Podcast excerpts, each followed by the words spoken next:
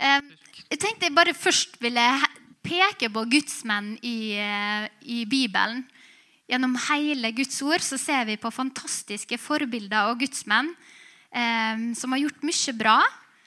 Altid, altså vi kan starte med Vi har Abraham og Isak og Jakob og disse trosfedrene. Og så vet vi også om vi har Noah og David. Og man kunne bare fortsette. Men hvis vi går litt i sømmene på disse gudsmennene, og kvinner også, så finner vi litt forskjellig. Det var ikke bare suksess over hele linja. Og det er litt av det som vi ønsker å løfte fram på disse vendepunktsøndagene her. Og at i livene våre så er det ikke bare at vi går fra høyde til høyde, men vi har også hverdager. Eh, og vi gjør feilgrep, alle sammen av oss. Det er derfor vi trenger Jesus. Det er derfor vi trenger korset.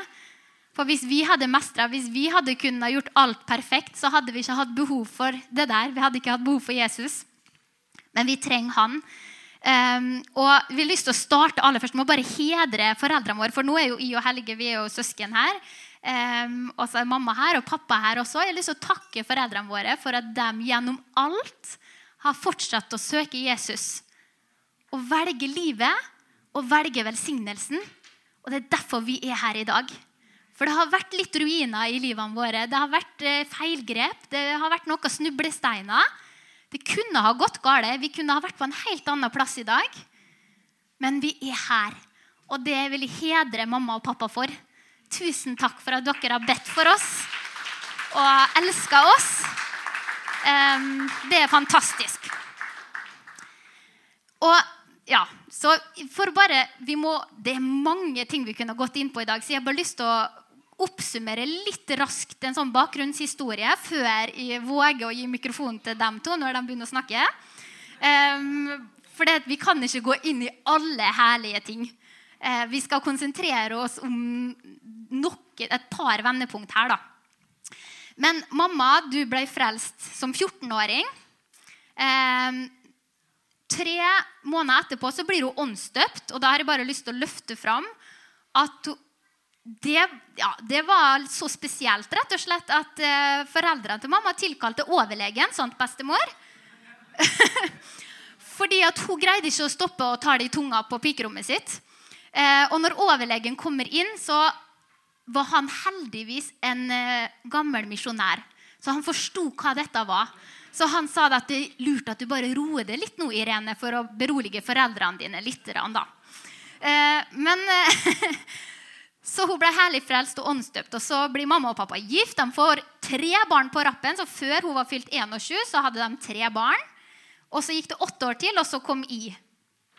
Um, og så, da jeg var tre år gammel, så ble det en skilsmisse. Og da ble mamma gift med en mann som etter hvert viste seg å ha veldig mange problemer. Så det var ganske turbulent hjemme hos oss. Um, og sjøl om at mamma i hjertet sitt jeg har alltid visst at eh, Gud har vært veldig viktig i mamma sitt liv. Ehm, så kom hun på avstand både gjennom omstendigheter og valg som hun tok. Så kom hun på avstand fra Gud. Eh, og da ville bare da spoler vi raskt fram til sommer, høst 1996. Da må jeg gi mikrofon til deg, mamma. Hvordan hadde du det da? Ehm, jeg hadde det veldig tøft. Det hadde gått i eh, to og et halvt år med dødsangst. Eh, hvert skritt det tok, så ringte det i ørene på meg eller i hodet. 'Nå dør du. Nå dør du. Nå dør du.' Og så jeg gikk til psykomatorisk behandling for å få hjelp. Men jeg hadde det veldig tøft. Jeg ble innlagt på sykehuset. En gang så kom de og henta meg med ambulanse og fikk meg inn. Og den andre gangen så kjørte hun sjøl. Da hadde jeg det veldig tøft, ja. Mm. Det hadde jeg. Og så når du på en måte et bunnpunkt. Ja. Eh, du sitter hjemme i stua di. Ja, jeg må først eh, si jeg har eh, eh, For mange mange, mange år siden, før det igjen, så har jeg en venninne, Liv. Og hun fikk be meg til frelse for mange år siden. Så hun ble frelst, Men begge to kom vi på avstand. Men så kom Liv tilbake til Gud, og så kom hun Liv på besøk hos meg på tirsdag. Og så sier hun Liv da når hun drar, ja, Irene, både i og du vet veien. Så at eh, Så at eh, Og de ordene der de ringte så i meg. Også på fredagen, så eh, etter arbeid der, så ble det veldig turbulent hjemme. Og jeg var helt fortvilt. Så han Helge og så han jeg var gift med, da de gikk opp på, på loftstua og satte seg. Og så tenkte jeg nå klarer jeg ikke mer. Hvor gammel var Helge da? Helge var 21. En, og jeg var tolv år. Ja. Mm. Jeg var sikkert hos pappa i den helga, da, for da var jeg ikke hjemme. Mm. Nei. Og, eh, og så gikk jeg og så satte på Radio PS. Og så satte jeg meg i sofaen. Og så sa jeg til Jesus Jesus, nå klarer jeg ikke meg mer uten det. Så nå bare kommer jeg til det. Og folk får bare si hva de vil, men jeg vil høre det til. Det øyeblikket, det var helt fantastisk. For jeg opplevde det at Jesus tok handa mi. Og da så jeg meg sjøl at jeg har, lie, jeg har gått på en vei. Og så har jeg snubla. Og så lå jeg nede i ei gjørme og kava og ikke komme noen sted. Men så kom da Jesus, og så grep han handa mi og så sa han, røyste meg opp. Og så sa han, du, nå røyser deg opp fra der du falt. Og det som er imellom, det er vekke. Det er borte. Det er glemt. Og så går vi videre. Og akkurat òg i det øyeblikket der, så bare tjo, Dødsangsten forsvant. Og jeg bare Wow! Jeg opplevde bare en sånn glede. Og jeg, jeg, noe bare helt fantastisk skjedde i, inni meg. Det var helt uh, utrolig. Ja. Og Helge, du satt oppe når det skjedde. Fikk du med deg noe av det? Nei. Jeg fikk ikke med meg noe av det som skjedde der. Inntil at eh, jeg kom ned, selvsagt. Du ropte jo ikke halleluja eller noe. Men um, Nei, altså så Jeg og så han du var gift med, vi satt jo oppe på TV-stua og så på TV. Og eh, når vi skulle ned på kjøkkenet, eh, så så vi bare bort i sofakroken der du satt. Og så ser jeg jo det at du lyser jo. Jeg var vant til å se det med dødsangst og nede. sant? Og så får jeg bare plutselig se at du sitter der og lyser. Og så sier han som du var gift med, at uh, Hæ? Har du blitt en sånn der kristen? Du hadde ikke sagt ett ord om Gud eller noe som helst. Men han skjønte det her var noe spesielt som skjedde. Og han skjønte at det måtte være Jesus. Selv om han egentlig ikke trodde på Gud. Men han, ja, Hvor han fikk det fra, vet jeg ikke. Eh, men det var i hvert fall eh, utrolig å se den forandringa som skjedde med det. Mm. Du da, Helge, eh, på den tida og egentlig liksom seint tenårene, hvordan var livet ditt da? Nei, Det var som en vanlig ungdom. Eh, jeg var jo veldig glad i å skate. da. Det var to ting. Det var fisking og det var skating. Ja, Og festing, da. Eh, så det var på en måte det som livet dreide seg om. Og jeg på en måte var ikke noe borti det med Gud. Jeg vet, Pappa han prøvde å dra med meg på noen møter innimellom. og sånn, det vet jeg. Um, men um, det var bl.a. på et møte på Aukra. Da måtte jeg rømme. for det, Da var det noen som skulle ha meg frelst. Uh, og skulle prate med meg osv. Det ble litt mye til meg, så jeg turte ikke å gå inn igjen dit. Så jeg gikk med en lang tur. Uh, så ja, jeg klarte å redde meg fra å bli frelst. Dessverre. Eh, men Gud skulle ta innersvingen på meg seinere. Eh, men i alle fall, så jeg levde et liv borte fra Gud. Jeg hadde ikke lyst til å ha noe med Gud å gjøre. Eh, selv om på en måte i mitt indre så visste jeg at det måtte være noe mer. Jeg hadde jo fått barnetroa Så jeg hadde jo gått på eller, søndagsskole her på Sion. Eller Nordvestkirka nå, da. Så jeg hadde jo på en måte fått troa. Men samtidig så hadde jeg på en måte ikke noe med, ønsket noe med Gud å gjøre. Ja. Ja, Jeg vet jo som lillesøster da, at eh, du var jo ikke noe skolelys, akkurat. Jeg fant, husker jeg kom hjem fra skolen, og så fant jeg kompisen din lå og sov i senga mi. Og da hadde han tatt på seg ranselen og gått ut hjemmefra og kommet opp til det, og så har dere skulka skolen i lag, f.eks. Du hadde to gode kompiser da spesielt. Albert og, og Kjetil. Skate-Kjetil, som vi kalte den da. Um, og så husker jeg òg at uh, du hadde det var, det var mye alkohol med i bildet. I hvert fall slik jeg husker det da som uh, ung. Jeg, jeg skrev på Facebook jeg håper det var greit, jeg sjekka ikke med det etterpå, men jeg skrev det på storyen til Nordvestkirka i dag at Helge gikk fra fyllearresten til heilfrelst. Stemmer det? Ja. ja, altså Jeg har jo vært i fyllearresten, så jeg vet jo hvordan det er. Eh, og eh, mamma vet hvordan det var da hun kom og henta meg den 17. mai. Eh, og da sto jo skolekorpsene klar vet du, og skulle begynne å spille til de kom ut. Akkurat som Egon Olsen. Nei. Nei da. Så, men det, det, var jo det, da, faktisk. Kom ut der på morgenen 17. mai.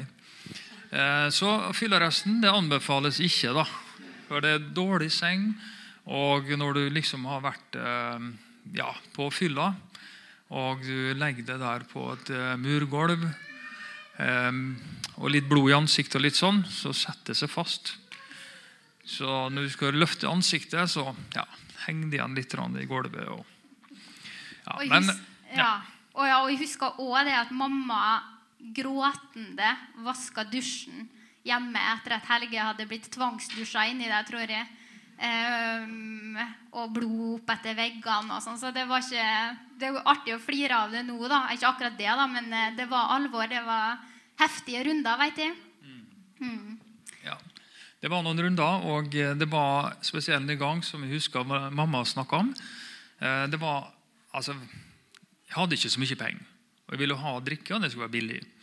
Og det ble ikke akkurat det beste du kunne få.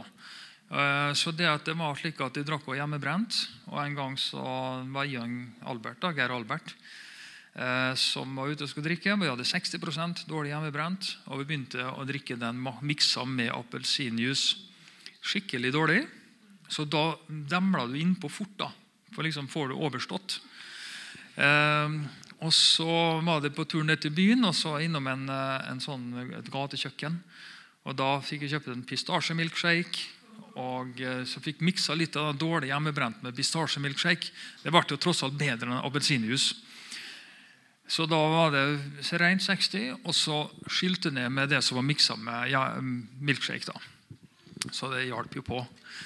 Men eh, den kvelden der så var det plutselig noe som skjedde. Jeg, bare, jeg huska jo ikke hva som skjedde, men jeg ble bare borte. Og eh, Albert kunne fortelle at jeg er blitt veldig krakilsk eh, og veldig voldelig osv. Vanskelig å ha med å gjøre. Eh, og den kvelden når jeg kom hjem For Geir Albert måtte ringe en kompis som hadde bil, som kunne hjelpe en å få meg hjem. Og den dagen så Ja, du kan fortelle akkurat hva som skjedde. Ja. Ehm, jeg lå og sov om natta, og så drømte jeg. Og så drømte jeg at det kom tre stykker imot døra, og bak dem kom Satan. Og våkna ut at det ringte på døra. Og der kom altså to kamerater og en Helge, men Helge hengende imellom seg. Og han Helge er så borte altså det er helt forferdelig. Og begynner å skal gå til angrep på meg. Det har han alle gjort. Men han som jeg var gift med, han ble jo sint på han Helge. Nei, ja, på han Helge. Så han Helge han eh, havna jo inn på, i dusjen, for han var spydde og Ja, det var, var trist. Da var jeg redd. Veldig redd. Ja. da, hva gjorde det da med det, Helge, når du så plutselig en endring med mamma? da? Dette var høsten 96. Hun har tatt imot Jesus. Hva skjer med det da? Ja, altså Når du på en måte så det som skjedde med mamma, så tenkte jeg oi, det her ble på en måte virkelig for meg. Jeg ble vekt opp. Jeg hadde jo barnetro, og alt dette her, men jeg tok ikke det alvorlig. Men jeg så det som skjedde, da begynte jeg å ta det alvorlig, det med Gud. Så Jeg visste jo det at jeg skulle i militæret om ikke så lang tid etterpå. Er To og en halv måned eller tre. eller noe sånt. Tre måneder. Så jeg begynte å be til Gud at Gud, du må frelse meg før jeg er ferdig militæret. Så jeg skjønte jo det at um, jeg var jo ikke frelst, men jeg var ikke dum. Uh, så jeg skjønte jo det at hvis jeg ikke på en måte ble frelst før militæret, så ville tida skje at jeg ville dra bort igjen fra det å gå til Gud. Så Derfor så begynte jeg å be om det. da. Så, men eh, nå ble det jo slik at eh, ja, På nyttårsaften så drakk jeg alkohol igjen. Og så slo jeg opp en skateboardskade på kneet. som jeg hadde. Men jeg måtte inn i militæret for dem likevel. Så jeg for i militæret. Jeg ble ikke frelst før. Men pga. skaden så ble jeg sendt hjem igjen. Og Noen få dager etter det så var jeg på et møte på Troens Fellesskap i Molde. Og da tok jeg imot Jesus. Mm. Short story. Den var veldig forkorta, den der, da. Fordi at den høsten da når du var på fest, blant annet, så vitna ikke du for kompisene dine før du var blitt en kristen? Jo da, jeg var ute og drakk vet og så vitna om Jesus til kompisene mine. Så det at eh, Jeg sa jo det at det finnes en Gud, og Jesus er virkelig, osv. Eh, og jeg vitna for både kompisene mine og dem som ikke var kompiser. Jeg var i Oslo og eh, var ute på byen der og traff enkelte der. og Jeg vitna om Jesus. Må huske det at det finnes en Gud, Jesus er virkelig, osv. Men jeg hadde ikke blitt frelst sjøl. Men jeg vitna for andre. Da var du 21 år, stemmer det? 21 år, ja. Så jeg hadde troa. Jeg vitna for andre. Men jeg opplevde ikke en forandring i livet mitt enda. Så skulle du inn i militæret 2. januar, men natt til første da ødelegger du kneet og sitter hele første nyttårsdag på sykehuset. Og, men får ikke lov å ikke komme i militæret. Du måtte møte opp likevel. Ja, jeg måtte til militæret, ja. Så da vet jeg, jeg tror det var 12. januar da du var på det møtet. Da For da var du sendt hjem, og da var han permittert fra jobben, da, vet du, for han skulle jo ha vært i militæret. ja og tillegg kneet gjorde at jeg var sykemeldt. Mm, ja, riktig. Um, og jeg var jo på det møtet der Helge, sammen med Helge og mamma og jeg. Ja, ok, du var på jobb, men vi for på det møtet. Ja. Og eh, Helge går fram etter møtet, eller i, ettermøtet og, tar imot Jesus. Og det rørte ved meg også. Nå skal ikke vi gå inn på det, men i hvert fall så dagen etterpå så var det også møte, for det var møtehelg med Richard Parenshiff, Eva og Lars som er her. De var, var der da. Var med på det møtet sikkert. Og jeg husker jeg tenkte dagen etterpå at Helge har blitt frelst. Jeg har lyst til å bli frelst i dag. Da var det invitert fram til dåpen i Den hellige ånd. Da gikk Helge fram. Og jeg tenkte jeg har jo lyst til å bli frelst. Jeg. Så jeg gikk fram sammen med Helge. Da Da tror jeg vi begge to ble døpt i Den hellige ånd. Men som jeg sa, så drev jo du og skulka skolen. og sånt. Hvor mange bøker Var du noe sånn lesehest, eller? Nei, jeg var ikke lesehest. Ehm, fisking det var, det var min religion, eh, for å si det sånn en gang. Eh, og jeg hadde på en måte lest ei bok om å bygge din egen fluefiskestang. da. Der hadde jeg nesten lest ut hele boka. Utenom det så hadde jeg ikke lest noen bøker, annet enn skolebøker. Så nesten lest ut ei hel bok Ja, nesten. som 21-åring. Det er godt gjort. Men så blir du frelst. da. Hva, hva skjedde med det da? Man skal jo gjerne lese Guds ord eller liksom få litt sånn føde for troa. Ja, som jeg sa, at um, jeg vitna for vennene mine om Jesus. De visste at Jesus var en virkelighet, men ingenting hadde forandra livet sitt inntil at jeg var på det møtet, at jeg ba frelsesbønner, og jeg omvendte meg. Så at etter det så skjedde det jo noe som eh, ja, Du kan ikke forklare, du må bare erfare. Og eh, Jeg hadde ikke lyst etter det, jeg hadde ikke lyst til å drikke, jeg hadde ikke lyst til å røyke. Selv om jeg fortsatte å røyke, jeg klarte ikke å slutte med det. Men jeg slutta å banne. Røyke jeg gjorde ikke, men eh, og drikkinga var borte. Jeg hadde ikke lyst til å være med ikke-kristne venner, så jeg minimerte det Ja, da må jeg bare stoppe det litt. For hva skjedde da etter du ble frelst? Hva gjorde kompisene dine? Syns de det var greit, eller? De syntes ikke det var greit, nei. så de ville redde meg. Eh, så de hadde en frelsesplan for meg, å få meg bort ifra Gud. Ja, Så de hadde virkelig en kampanje for å få meg bort ifra Jesus og troa. Eh, så det var mange telefoner, og det var mange besøk osv. Og han fikk også andre enn dem til å ringe meg også for å på en måte prøve å få meg bort fra troa. Jeg tror mamma beskrev det som en telefonstorm. Mm. Mm. Men tilbake til det som du Jeg avbrøt det. vet du. Mm. Snakka om bøker og Ja, Så mange ting skjedde i livet mitt som jeg ikke kan forklare helt. Eh, men jeg fikk jo en utrolig hunger etter å lese i Guds ord. Så Bibelen der han plutselig ble veldig interessant for meg. Så det er en ting at den var ikke interessant for meg før at de omvendte meg og tok imot Jesus. Så Etter det så fikk jeg en hunger, og eh, på 14 dager så leste jeg hele Nye testamentet. Og jeg leste tre kristne bøker på de 14 dagene. Og det er på en måte That's not me. Det er ikke meg. Det var ikke meg. Det er overnaturlig. Det var, ja. Absolutt. Mm. Så hva som skjedde? Yes, det er Jesus. Ja. Mm. Og så litt seinere òg, vi kan ta med det, for du greide ikke å slutte å røyke selv om du egentlig ikke hadde lyst til å røyke. Mm. Ja, Så jeg satt jo der og hadde så herlig tid med Gud. Jeg fikk jo oppleve Guds nærhet. Å sitte hjemme der alene, lese Bibelen, be til Gud og virkelig bruke tid med Han hele dagen. Halleluja, så deilig. Og der satt jeg vet du, og røyka og leste Bibelen vet du, og ba til Gud og dampa. Ja. Så jeg hadde ikke lyst til å røyke. da. Det, det, men det var enda en dag at jeg leste en bok som havna om navnet Jesus. Og Da skjønte jeg at yes, som kristen du har en autoritet i navnet Jesus. Eh, du trenger ikke ligge under ting, for du har autoritet over deg i Kristus. Og Da tenkte jeg at ok, hvis det her virkelig er for meg, da er vi ferdig med røyken. Så Jeg hadde egentlig vært akkurat på butikken eh, den morgenen der, for det var en morgen. Og Jeg hadde kjøpt meg en ny pakke med Petter Øst nummer tre. Risla rullepapir. Og jeg hadde tatt én røyk fra den. Men når jeg sitter og leser her, og så bare får jeg på en måte en slags åpenbaring i meg at det her er for meg. Og eh, jeg får ei tro som ikke kommer herifra, men kommer fra hjertet mitt. ånda mi. Så reiser vi opp, vi tar den petrøpakka opp, og så knørver han i det jeg klarer. ja. Og så roper jeg ut Jeg bryter røykens og nikotins makt over livet mitt i Jesu Kristi navn. Og Jeg er glad for at jeg var alene hjemme den dagen der. For det ropte jeg ut veldig høyt.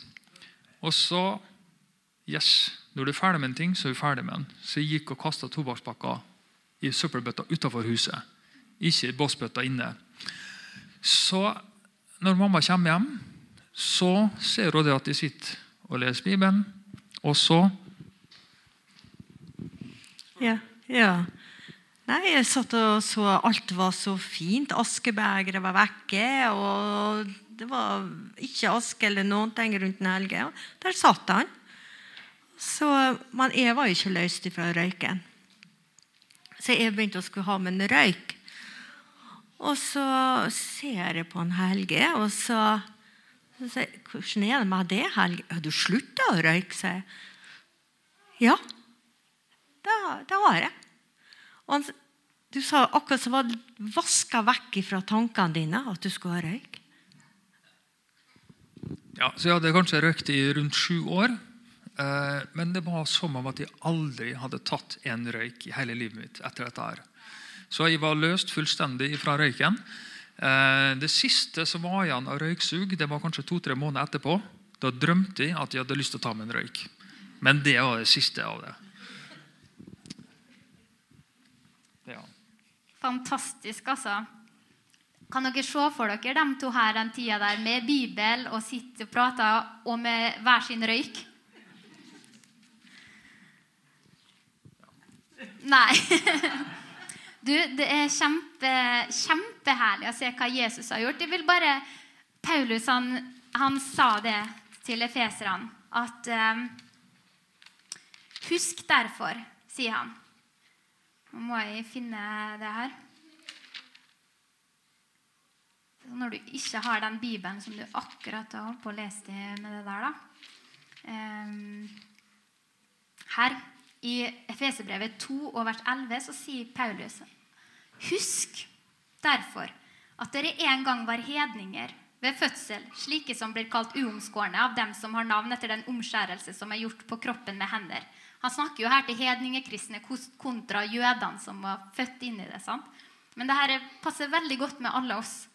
Husk at dere på den tiden var utenfor Kristus, utestengt fra Israels borgerskap og fremmede for løftets pakter. Dere hadde ikke noe håp og var uten Gud i verden. Og mange ganger når jeg leser disse versene, så tenker jeg mitt eget liv. Ok, Han sier at jeg skal huske på når jeg var uten Gud, uten håp i verden. Hvor hadde jeg vært i dag om ikke akkurat den faktoren med Gud hadde kommet til? Hvordan hadde livet mitt sett ut i dag? Hvordan hadde jeg hatt det? Jeg er ganske sikker på at jeg hadde ikke hatt familie og stabile relasjoner. Og jeg ser for meg at jeg ville vært en helt annen plass. Og vi kan også tenke oss denne historien her når vi tok før vendepunktet, minus vendepunktet, hvordan ville livene deres sett ut i dag? Men Gud. Og det er det vendepunkt handler om. Men Gud. Han tar oss forbi det som vi greier å skape og få til i egen kraft. Han løfter oss over det som vi greier på egen hånd. Og så sier han, men i Kristus Jesus er nå dere som før var langt borte, kommet nær ved Kristi blod. Og vi vet at det er ikke av oss sjøl. Det er ikke pga. vår prektige atferd. Det er ingenting som vi kan skape. Men det er bare en gave som vi må ta imot. Ved nåde. Er det noe dere har lyst til å føye til helt til slutt? Kan få mikrofonen etter tur her. Nei, jeg bare tenker sånn jeg tenker på det som har skjedd med livet ditt. Eh, du kom skjevt ut av forskjellige grunner. Og vi vet at vi har en fiende som ønsker å få oss bort ifra han og bort ifra det sånn som Gud har meint at det skal være. Sånn som familie og ekteskap osv. Eh, slik at våre avgjørelser som vi tar, som er på en måte ikke Guds vilje, det er med å skape forbannelse over oss. Og ikke bare dem over oss sjøl, men også dem rundt oss. Eh, så dette er ikke på en måte noe av fordømmelse, men det er bare noe å lære av. At det som skjedde med mamma, det gjorde at det ble en splittelse i familien osv. Av forskjellige grunner.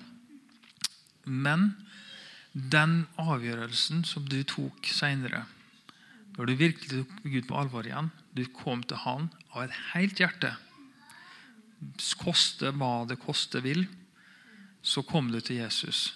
Og da, når du tok han på alvor, da tok han det på alvor.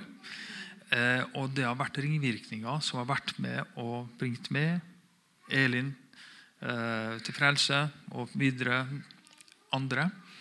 Eh, slik at det som Satan hadde gjort for å gjøre det til en, forbannelse, det har Gud snudd om til det positive. Så er vi ingen i livet her som gjør alle ting perfekt. Eh, særlig, ja, som vi bruker å si i Kristiansund det er i, men nære unna, sier vi der. Er ikke det, Jan Tore? Nære, nære unna. Ja. Så det vil si da at jeg er ganske perfekt. Eller ikke helt perfekt, men nære unna. Ja. Nei da. Så vi er ingen som er perfekt. Uh, alle gjør vi feil. Og eh, vi har en fiende som vil gjøre det en kan for å hjelpe oss til å gjøre de feilene. Eh, så det må vi forstå. Men takk og lov for at vi har en frelser, vi har en Gud, har Jesus Kristus, som vil gjøre det onde om til det gode igjen. Amen. Yes. Ja, jeg, jeg har bare lyst til å si eh, betydninga av fødselsdatoen min. Det du har bursdag i morgen? Ja. Men det var ikke det. Men jeg tenkte på det. Jeg har altså fødselsdatoen min den syvende i åttende 55. Ja. Og tallet sju, det betyr fullkomment, Tallet åtte, det betyr ny start. Og tallet fem, det betyr alt av nåde. Og da har jeg to femtall. Og alt av nåde. Og jeg tenker på Gud har bare sett i nåde til meg. Og det er bare så godt å vite at jeg har en levende Gud. En som ser meg. For han har øyne han ser. Han har ører så han hører. Og det er så godt å bare få legge livet sitt i hans hender. Og så takke han for at han vil lede gjennom dagen. Jeg ber til han når jeg skal ut og kjøre, og jeg ha, så sier jeg til Gud takk for at du rydda veien for meg. Og jeg har opplevd mange ganger at han har ordna til parkeringsplass. Så altså, han er bare meg i hverdagen. Ja. Så eh, det syns jeg bare er så fantastisk. Og den første sommeren etter at jeg var kommet tilbake igjen til Gud, da han røyste meg opp, så reiste vi ned til Kvinesdalen. Og da var det han Arnfinn Klemensen som talte. Og da var det noe han sa. At det Gud har begynt eh, livet ditt, det vil han òg fullføre. Og det ble så sterkt. Tenk at Gud begynte en gjerning i livet mitt da jeg var 14 år når jeg fikk komme til han. Og nå så jeg fått komme tilbake, og han vil fullføre det som han har begynt. Ja. Så jeg bare er så glad, og jeg vet at Gud vil bruke meg til ja. Vet jeg ikke, men eh, jeg vil i hvert fall være i hans tjeneste. Amen. Han har tydeligvis brukt det. Det er helt klart. Så jeg er så takknemlig for eh, at eh, du omvendte deg på en måte kom tilbake til Jesus, som er nåde. Eh, og Det som skjedde med livet mitt også, det er på en måte Jeg kan ikke forklare det helt, men Gud har bare gitt meg kraften til å gå. Det ja, Du kan ikke forklare, det, men det må erfares. Så jeg er takknemlig til Jesus. Jeg er så takknemlig for at det som skjedde i livet mitt, det var ikke meg sjøl, det var Gud som gjorde det for meg når jeg sa ja. Altså, vi har bare lyst til å ære Gud. Eh, det fins ingen som er så langt borte eller så langt nede at ikke Gud kan løfte oss og hjelpe oss. Og det håper jeg kan gi tro både i hvert enkelt sitt hjerte her for egne liv. At vi kan alle oppleve sånne herlige mirakler når vi bare kaster oss på Gud med alt vi er og alt vi har. Og det er noe med å se Ham som eneste løsninga. Når vi slutter å leite alle andre plasser, og vi sier 'Gud, du er alt jeg har', du er den jeg vil ha. Så det er noe forløsende i det. Det tenkte jeg på mens jeg kjørte hit i dag. Du må på en måte ekskludere alle disse andre alternativene på en måte. Eh, og sikkerhetsnetter. Og bare si 'Det er bare du, Gud'. Eh, så, så, kommer han til hjelp, altså. Mm. Så ja, det er også for ditt eget liv, men òg for dine nære og kjære. Kanskje du har familiemedlemmer som, som eh, du ønsker skal få kjenne mer av Gud og få leve sammen med Han. Så det er ingen situasjon som er for vanskelig for han. Det er ingen person som er for vanskelig for han. Han kan hjelpe oss alle. Så vi får bare ha tro og tillit og sende våre trofaste bønner og forventning til Han.